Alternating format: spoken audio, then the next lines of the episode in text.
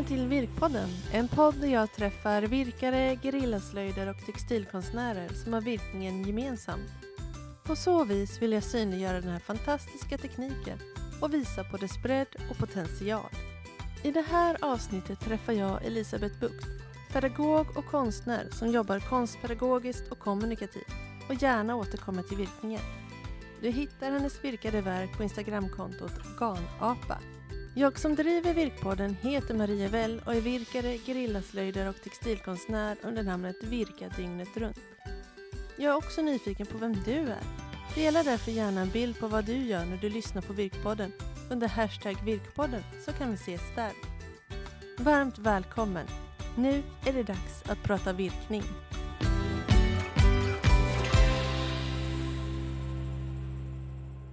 Hej och välkommen till Virkpodden Elisabeth Bucht. Jättekul att träffa dig här idag. Tack så mycket. Skulle du vilja börja med att presentera dig själv lite kort för de som lyssnar? Ja, jag eh, sysslar med eh, textilkonst. Eh, jag är konst, textilkonstnär, verksam i, i Uppsala och eh, jobbar också mycket med konstpedagogik och eh, olika sociala projekt. Mm. Och så virkar du en del också? Ja, precis. Det Ja. ingår i, eh, i det mesta. ja, vad kul. Men jag tänker att vi skulle börja lite med, jag tänker att vi kommer tillbaks till lite kring ditt pedagogiska arbete och hur det hänger ihop med ditt konstnärskapande. Men eh, jag är också lite nyfiken för att jag uppmärksammade dig först när du var ute som gerillaslöjdare. Det är några år sedan nu. Och gerillaslöjd är när man tar med sig, i ditt fall då, det som man har virkat och sätter upp ute i det offentliga rummet. Och jag är lite nyfiken på att, men vad var det som fick dig att börja gerillaslöjda? Jag vet inte exakt liksom hur det började, men det hängde ihop med flera faktorer.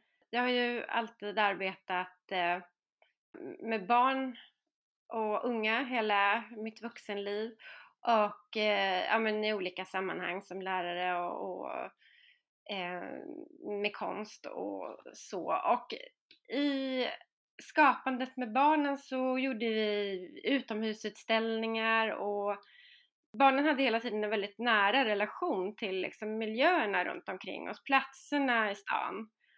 De såg allting som hände, varje liten förändring, liksom en kapsyl på gatan eller ja du vet, en paljett i en vattenpöl. Det finns så mycket magi liksom ute på gatorna. Och jag kände igen mig liksom den här blicken på gatorna i stan, liksom att man söker efter det där lite färggranna eller spåret av en annan människa eller kanske omsorg, små meddelanden, lappar. Du vet hur spännande det är att hitta en Mm gatan. Ja, ja, man böjer sig ner och plockar upp den direkt för att se. Ja, precis. Ja, men och så hade jag också rest i Indien flera gånger och liksom älskar eh, magin liksom i platserna. Eh, där synen på platser som heliga och speciella och värda omsorg. Så jag tror att det var flera sådana olika eh, saker som spelade in i att mina trådar kom ut på gatan. De började liksom krypa ut, krypa ut på gatorna i stan helt enkelt. Och eh, ja, men en tredje sak var också det här med brevskrivande. Att jag är en gammal hängiven brevskrivare. Det textila var liksom ute på gatorna som en slags textila kodade hemliga brev.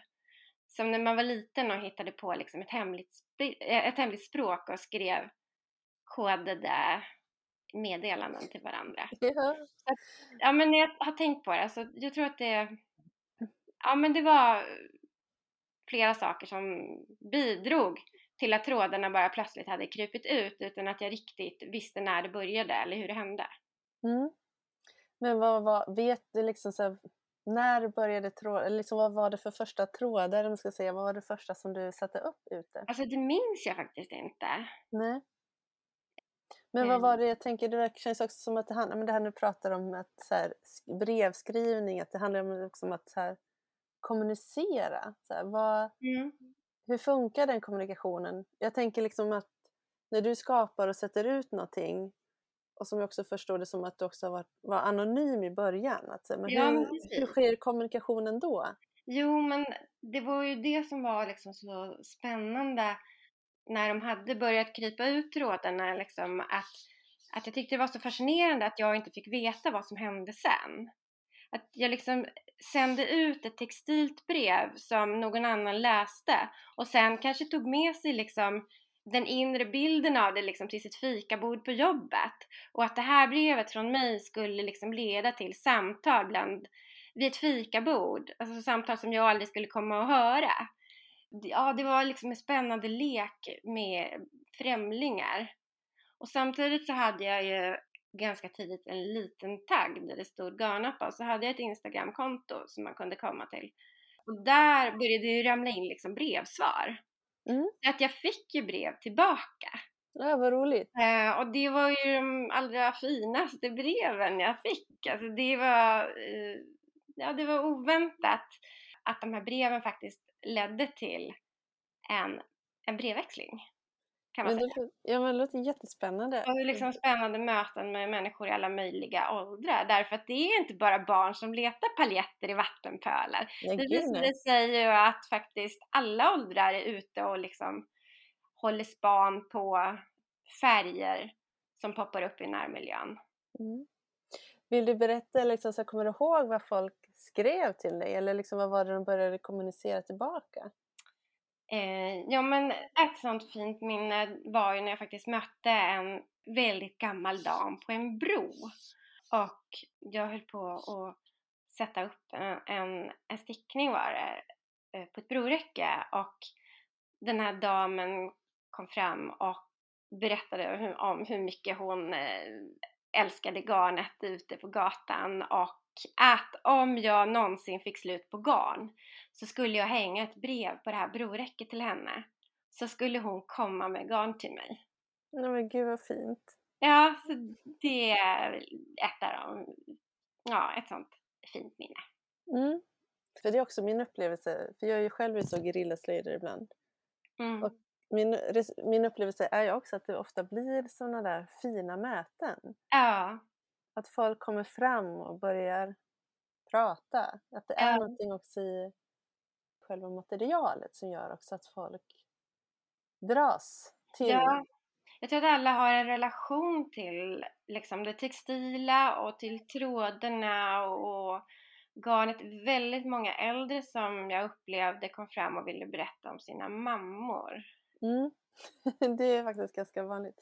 Jag Ja, tänker att det är, många har ju någon relation till ja, men någon som har stickat sockor Ja. eller tröjor åt en eller liksom har ja, ja, någonting som också har en, både liksom att det är värmande, liksom dels att det värmer kroppen men också värmer genom omtanke.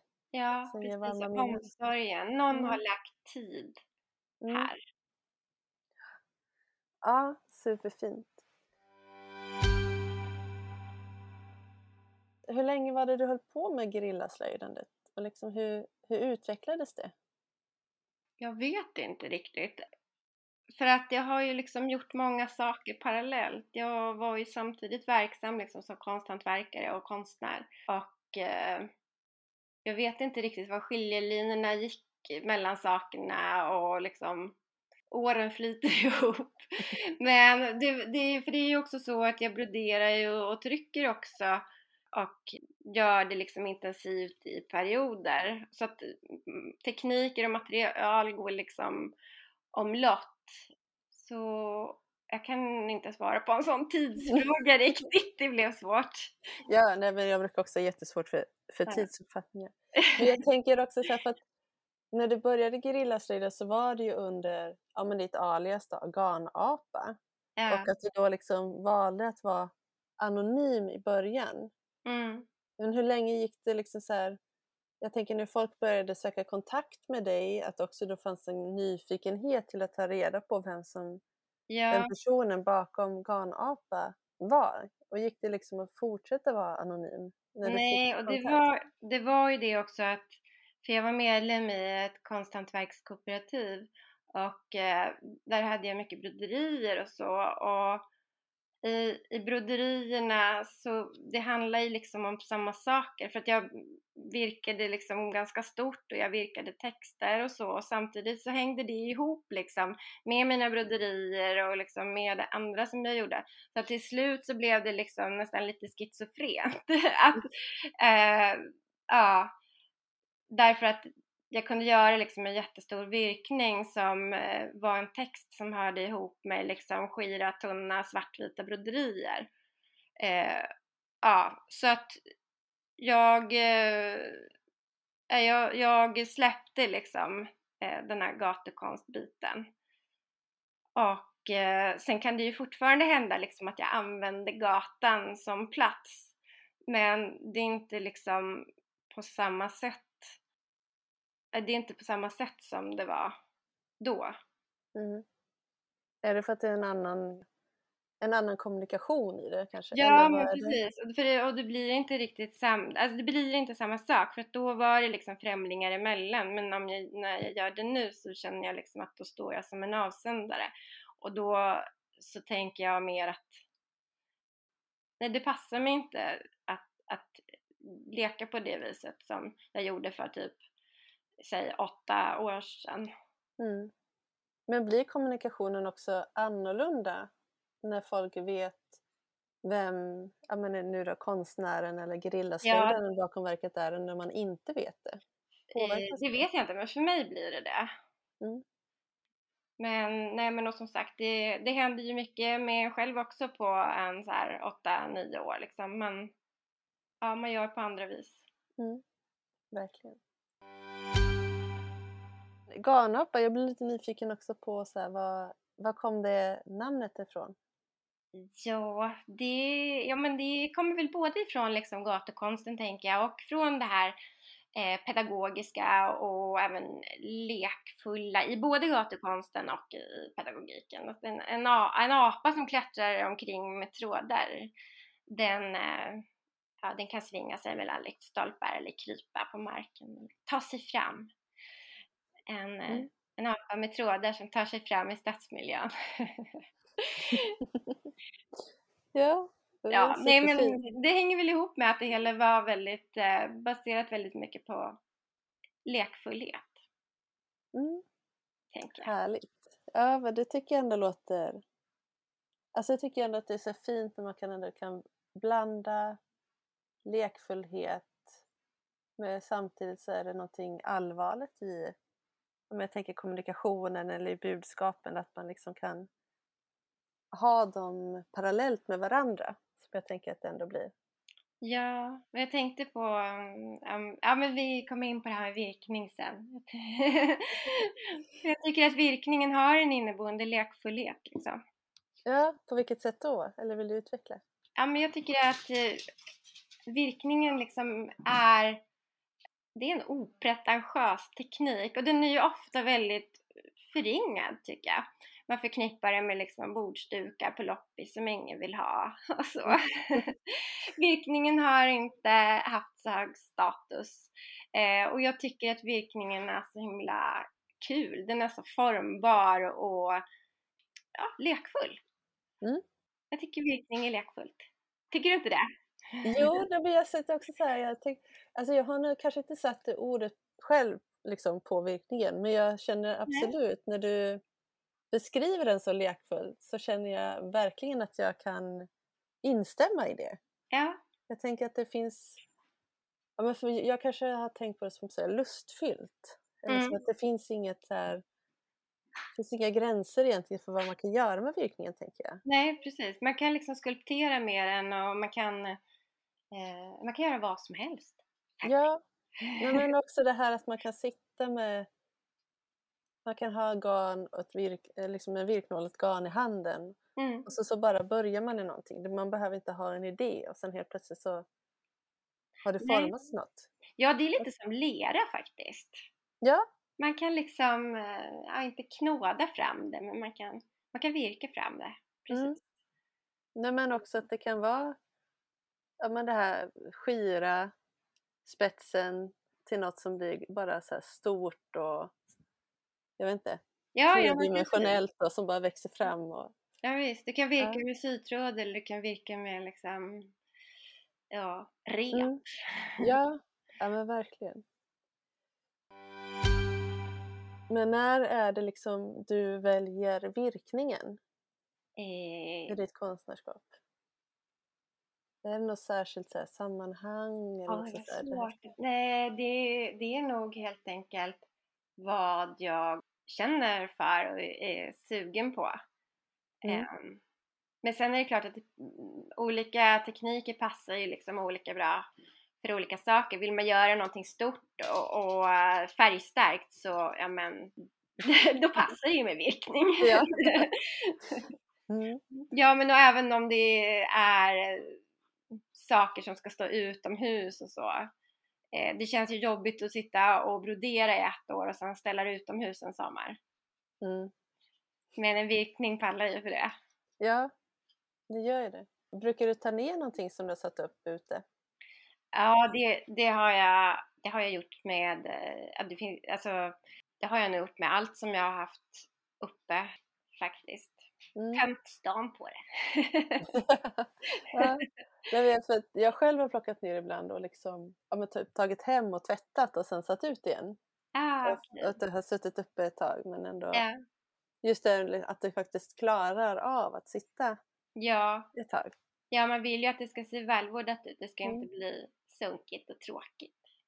Nej, nej, men då är det ju också så här, då har det inte sitt, då kommunicerar ju inte samma sak längre. Nej men precis. Nej, jag, Mm. har, jag har en stor virkning utanför ett äldreboende. och Jag håller koll på det så att det inte ser Mm. sunkigt ut.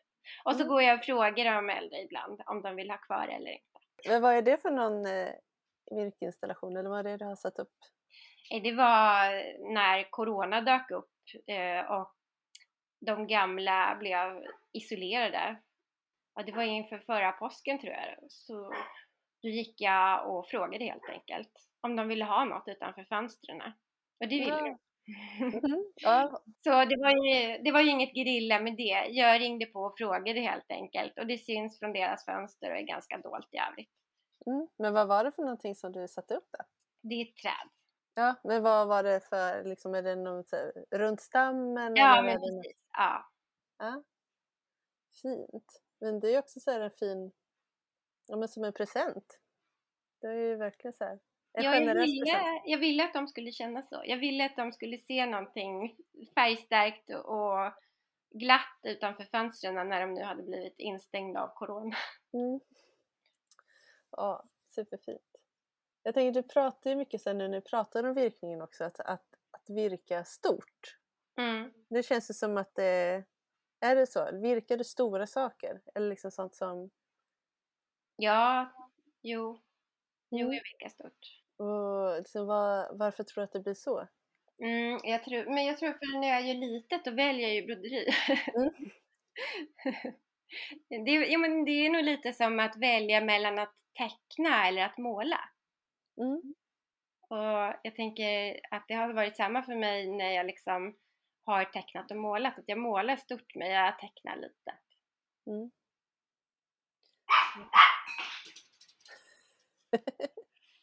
Men vad är det liksom så här, vad är det största du har virkat?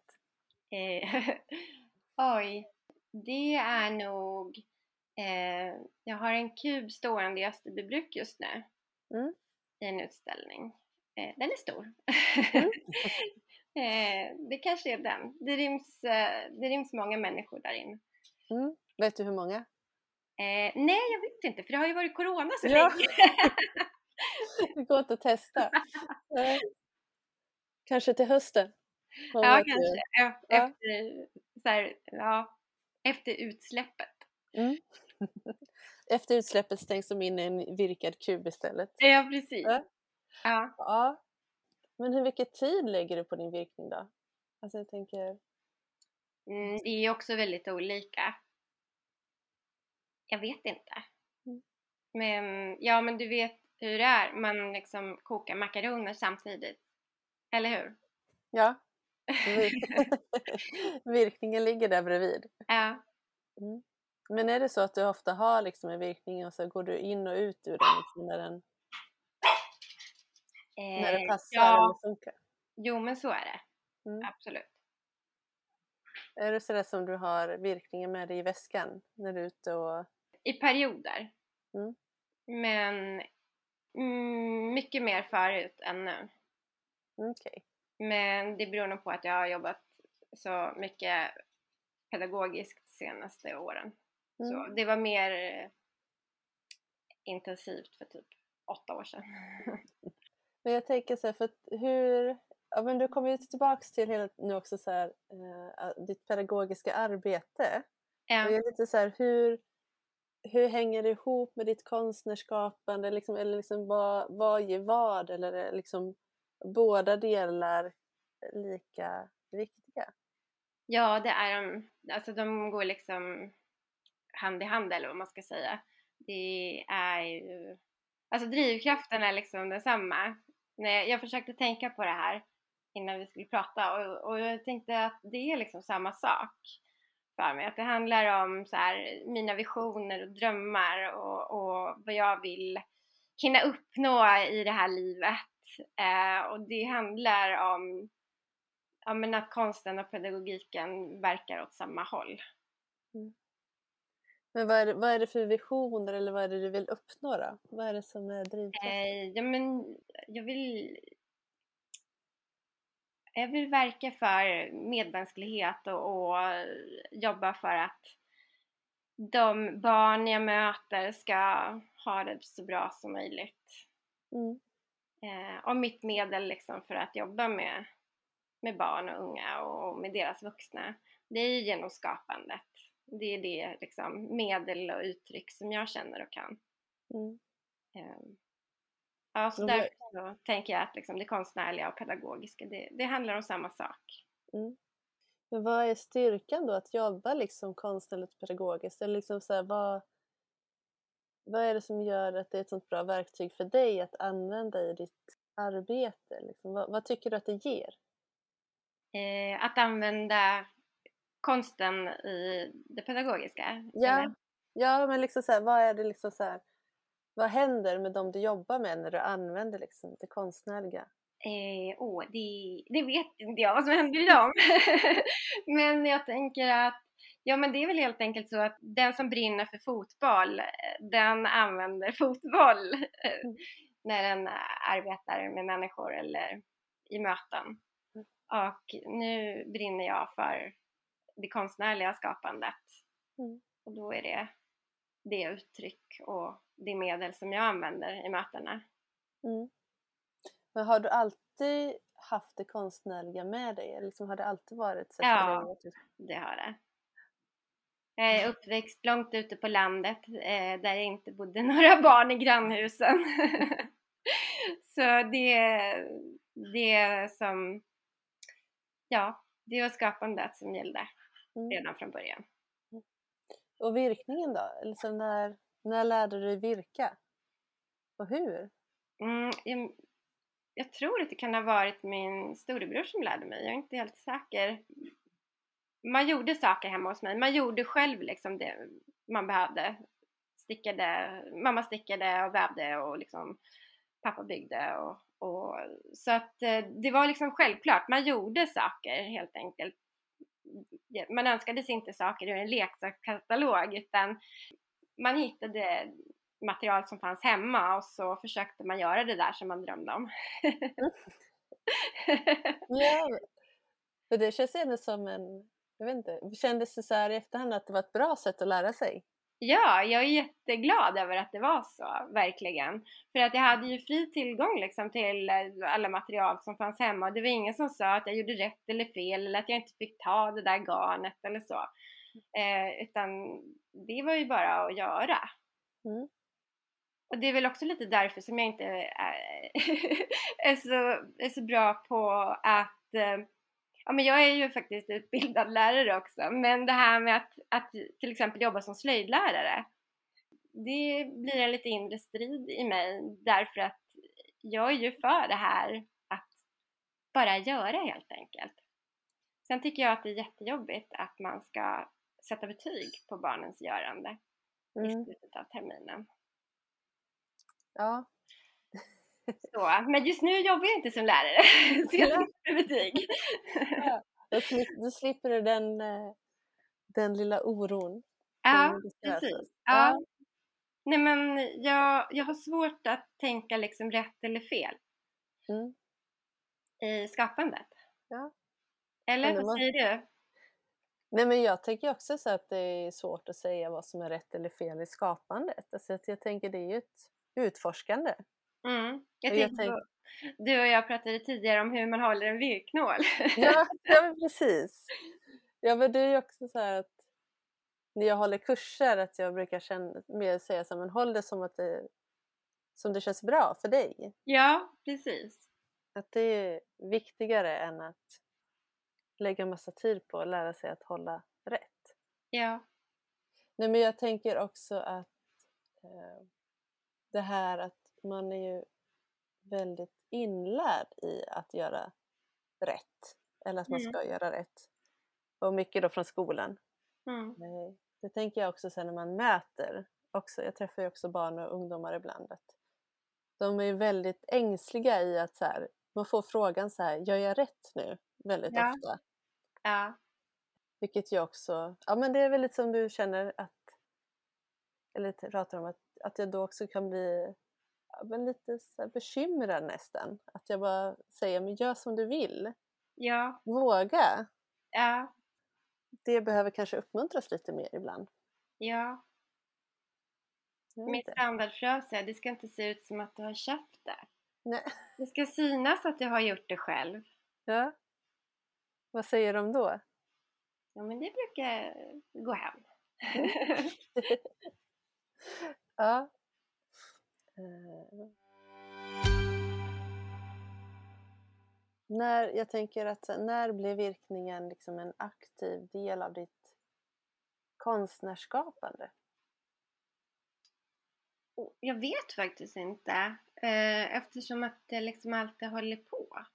Eh, Mm. Fast jag hade ju liksom länge en, en dröm om att jag skulle bli en målande konstnär. Eh, och eh, det tog ganska lång tid innan jag förstod att virkningen var måleri.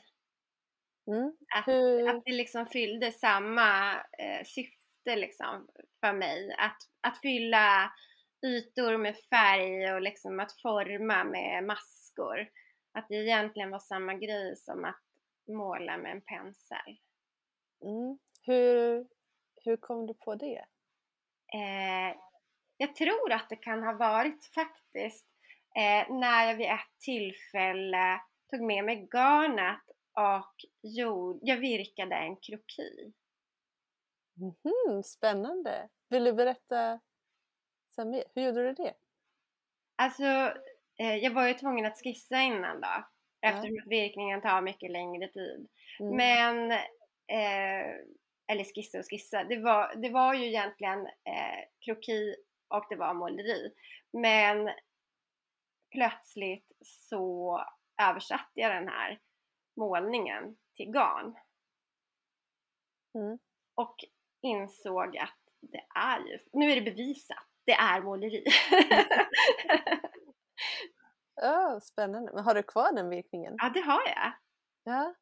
I en låda någonstans faktiskt. Ja. Men hur gjorde du då? Jag tänker liksom så här. När jag ser kroki framför mig nu då ser jag liksom ett vitt papper med några liksom svarta streck som formar Ja, kroppen. men nu var det ju måleri då. då. Mm. Så att då var det ju ändå med om det var olja eller akryl.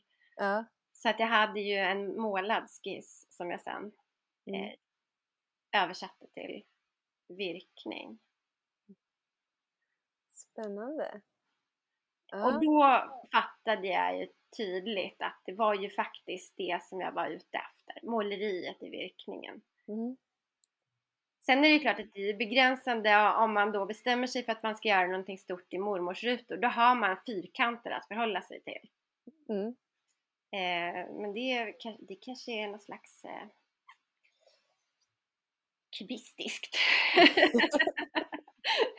ja. Men virkar du ofta rutor? Eller liksom? Mm, nej, du- Jag tycker ju mest om eh, runda och asymmetriska former. Mm. Vad är det som är skillnaden tycker du? Jo men i runda former då bara Ja men det blir som en målad linje som bara så här flödar. Mm. Och det kan jag gå in i totalt och sitta i flera dagar och bara virka runt. Ja. ja, blir det mer, alltså ja, det är så när man virkar fyrkantigt eller liksom rutor. Då blir det liksom, är det mer som att det blir ett stopp i varje hörn då eller är det liksom? Ja, ja. Och oftast så tycker jag nog att ja, men då fastnar jag mer i något så här, en traditionell form liksom. I någon slags mormorsruta helt enkelt. Men medan om jag virkar, om jag jobbar liksom och virkar cirklar, då finns det ingen som helst symmetri eller liksom ingen cirkel blir likadan som någon annan. Det blir lite som snöflingor. Mm. Alla olika. Ja. ja. Ja, det... Eh, åh, det är typ det roligaste jag vet, kom jag på nu. att virka runt eller? Ja! ja. Men det är väl också så att då kan du också så välja, tänker jag, att man väljer själv när det tar slut. Ja, hur, liksom... ja vilket föredrar du då? Runt eller fyrkantigt? känner att jag inte har funderat så mycket på just den frågan. Men, Nej. Eh, alltså jag tycker nog både och. Alltså jag har liksom eh, mormorsrutan växer på mig liksom mer och mer också. Att det är ja. någonting i den. Men eh, jag tycker också väldigt mycket om att liksom virka fritt. Mm. Och då är det ju sällan fyrkantigt. Eller hur? Utan då växer det ju liksom organiskt. Ja. Och så liksom fyller man i lite där man känner att här behövde det vara någonting. Så lägger ja. man till. Så att det är nog liksom både och. Jag tänker också att det är någonting ganska vilsamt i att virka ruta också. Ja. På något sätt. Att ibland vill man bara ha det där som man vet vad det är. Tänker ja. jag. Då är ju rutan väldigt tacksam. Ja, jo men, jag förstår vad du menar. Ja, men att det är också väldigt spännande att bara se vart garnet och virknålen tar vägen också. Mm, eller hur? Ja. Och hur långt garnet räcker. Ja, men aldrig, aldrig tillräckligt långt, eller? jag vet inte. Är det en sån som eh, känner, för jag tänker också beror på hur man använder garnet, om man tycker att det tar slut eller inte. Alltså typ, är det en sån som vill ha samma sorts garn? Nej. Eller? Jag, jag tänker, man tar vad man haver och det kommer nog ifrån det här liksom eh, hemma. Att mm. jag tog det material som jag hittade. Mm. Jag tycker att det finns eh, en tjusning i att eh, ja, jag tog vad jag hade. Mm. Ja men då tänker jag också att upplevelsen av att garnet är slut ja. inte blir detsamma om man har ett specifikt garn. Som man... Nej, men ja. Mm. Jag tänker att det går ju åt ganska mycket garn. Jag tänker mm. som nu den här stora virkade kuben eller andra mm. verk man har gjort. Så här, vad, vad får du allt garn ifrån? Jo, tyvärr då så köper jag ju det. Ja, det, vet, det tycker jag att vi är många som gör. Ja. ja. Ja. Ja, jag, jag köper ju också på loppis och så fryser jag det ordentligt. Mm, det också, jag har inte testat det. Jag känner också så här, man skulle ha en speciell garnfrys kanske. Uh. Mm. Men har du några speciella garner som du tycker om då? Sen när du köper garn, är det några så särskilda garner som du väljer? Eller liksom, vad är det? det beror på vad jag ska göra för någonting. Jag mm. tycker om olika garn för olika syften. Mm. Och vad, hur tänker du då? Liksom, vad har du för olika ja, mm. vilka olika syften? Eller liksom så här, hur väljer du? Ja men du vet, om man vill att det ska bli skit eller om man vill att det ska liksom bli tjockt och kraftigt eller mm. eh, hur man vill liksom att det ska bli rent estetiskt eller nyansmässigt och eh, ibland tänker jag på eh, varifrån det kommer och att man vill att fåren ska ha haft det bra men oftast så går jag på ganska vanliga garner. Mm. Som, eh, ja, pengarna ska räcka till eh, ett stort verk kanske. Då får man Mm. anpassa. Ja men gud ja, så är det ju verkligen. Du då? Hur väljer du garn? ja du, det är olika. Jag har faktiskt fått en hel del garner också så jag har en ganska blandad kompott att Mm. välja av. Men eh, nej det är också svårt, ska man göra större, större verk då behöver man ju också köpa garn så att det blir Mm. enhetligt och ska vara mycket då behöver man också, ja det är ju så här kombination av olika delar, liksom vad man behöver ta hänsyn till. När, jag gör, när jag använder garn i sociala projekt och så, då har det hänt många gånger att jag har fått garn. Mm. Men när jag gör mina egna konstverk, då köper jag. Ja, nej men jag gör ju också så, blandar. Även om man har så vill man ju ibland köpa på sig eller behöver göra det också. Verkligen. Det är också väldigt roligt att botanisera bland garn. Tycker jag. Jag tänker, du säger att du, du har en lärarutbildning. Men har du också någon så här konstnärlig utbildning? Jag har ju, jag är utbildad lärare i bild och slöjd då bland annat.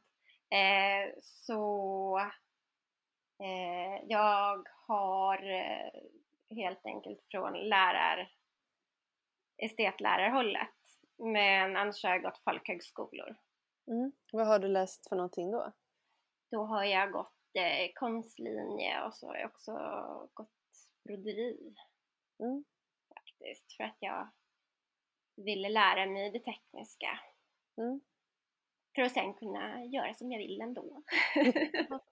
Ja men så är det ju ibland också, så det, det är ju kul att kunna tekniker. ja, det var faktiskt fantastiskt roligt att, Mm. att lära sig. Tycker jag. Mm. Ja, ibland tänker jag också att det kan bli en större frihet att testa som man vill. När man väl, alltså det är ett sätt att lära sig också hantera eh, material och tekniker också. Ja, Liksom. absolut. Mm. Och förstå dem, tänker jag också. Om man lär sig liksom hur det är tänkt att det ska användas. Eller vad man ska säga. Ja. Lära sig. Mm.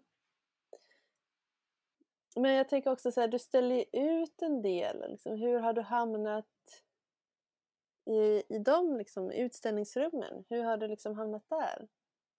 Är det något som du aktivt har jobbat för? Eh, jag, jag vet inte. Det är väl eh, som eh, för de flesta som jobbar med konst, liksom, att man, man håller på och håller på och håller på. Man jobbar och jobbar. Och ibland dyker det upp spännande projekt och ibland söker man projekt. Det kommer på olika vis. Mm. Nu i sommar till exempel har vi ett stort eh, projekt, vi är tre stycken.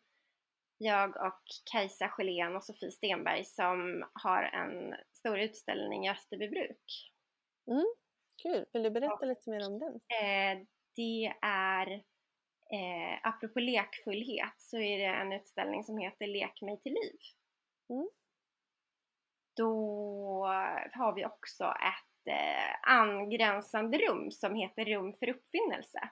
Så att besökarna kan komma dels till vår utställning men sen kan de gå in i rummet innanför. Och där pågår det skapande hela sommaren så att där blir besökarna liksom delaktiga i konstskapande. Mm. Så där har jag varit hela dagen idag till exempel och träffat en massa människor. Roligt! Jättekul. Mm. Eh, Mm. Mm. Och då är det ju, ja det är ett exempel på ett sånt projekt där jag blev inbjuden till platsen och sen så har vi tillsammans liksom sökt efter eh, projektstöd för att kunna genomföra det här hela sommaren och för att ha möjlighet att erbjuda material en hel sommar och ja, ja, du vet, man jobbar, man jobbar på. ja. Men då känns det ju också som att det liksom, alltså både det konstnärliga och det pedagogiska är en del även här i Ja, utställningen också. absolut. Att det är Ja men det känns ju som att när man lyssnar på dig eh, och när man följer dig, då känns det ändå som att ja, men det konstnärliga, det pedagogiska och det här att kommunicera eller vara tillsammans med andra. Att de delarna är väldigt tätt knutna åt. Ja. Ja. Eller hur ser du på det själv? Jo, men, jo, men precis som vi var inne på, liksom, att mm. det, det konstnärliga och det pedagogiska det är egentligen ett uttryck för samma sak. Liksom. Jag, mm. jag jobbar för det som jag tror på, det jag brinner för. Mm. Eh, och det tar de två vägarna som ofta är samma väg. Mm. Ja, ja, men det är superspännande. Och superfint tycker jag, att verkligen så här, sammanföra det på det sättet. Men så här avslutningsvis av podden, har du något tips till eh, de som lyssnar? Något virktips? Då tänker jag på det, en sak som vi pratade om tidigare redan eh, och som inte bara gäller virkning utan i stort.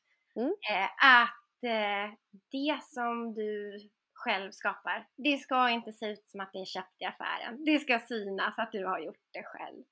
Mm. Ja, det är ett superfint tips. Jag tänker att det är någonting som vi alla kanske ska ta till oss lite av. Verkligen. Mm. Eh, tack så jättemycket för att eh, vi har suttit här och pratat. Det har varit jättefint att få prata virkning med dig. Jättekul att få prata om ditt skapande. Så tack så jättemycket Elisabeth. Tack så mycket till dig. tack för att du har lyssnat på Virkpodden. Tyckte du om avsnittet får du gärna följa Virkpodden i sociala medier eller besöka virkpodden.se. Hjälp också gärna till att dela avsnittet så att ännu fler får chansen att lyssna. Avslutningsvis vill jag säga tack till Nämnden för hemslöjdsfrågor som möjliggjort det här avsnittet genom beviljat projektmedel. Jag vill också tacka Ayat Almansour Holm för klippningen, Filip Neterovic för musiken samt Grace Ann Ekström för formgivningen. Nästa avsnitt av Virkpodden kommer om en månad.